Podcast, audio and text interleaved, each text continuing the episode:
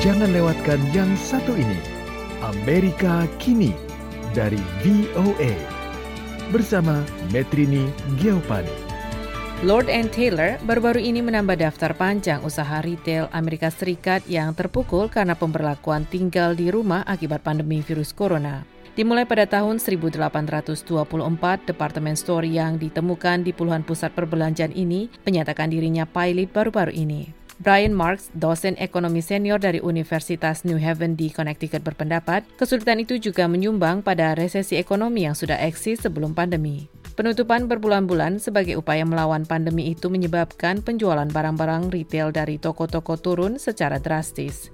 Akan tetapi, Brian Marks menilai hal tersebut bisa memberi peluang perubahan operasi dari usaha besar seperti itu.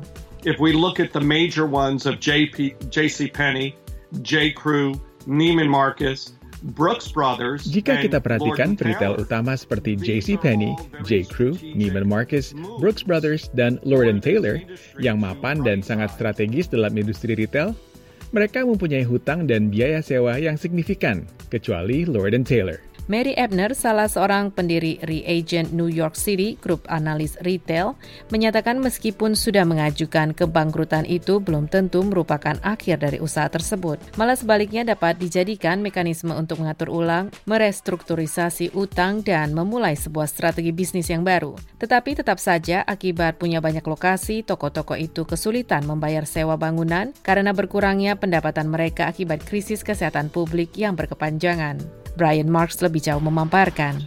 Lord and Taylor maybe 45 locations.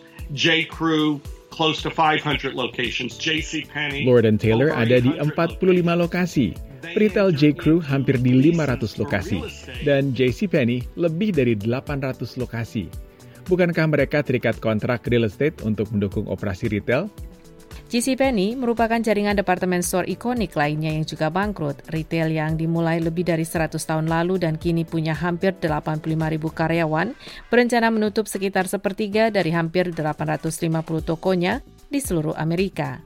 Penutupan toko di sejumlah mall belanja mempengaruhi bisnis yang lebih kecil seperti Victoria's Secret dan Bath and Body Works yang berbagi dengan pengecer besar dan juga menyewa ruang di mall-mall tersebut. Mary Ebner lebih jauh memaparkan, jadi sangat memprihatinkan bayangkan saja jika JCPenney dan Lord Taylor berada dalam satu mall dan keduanya tutup.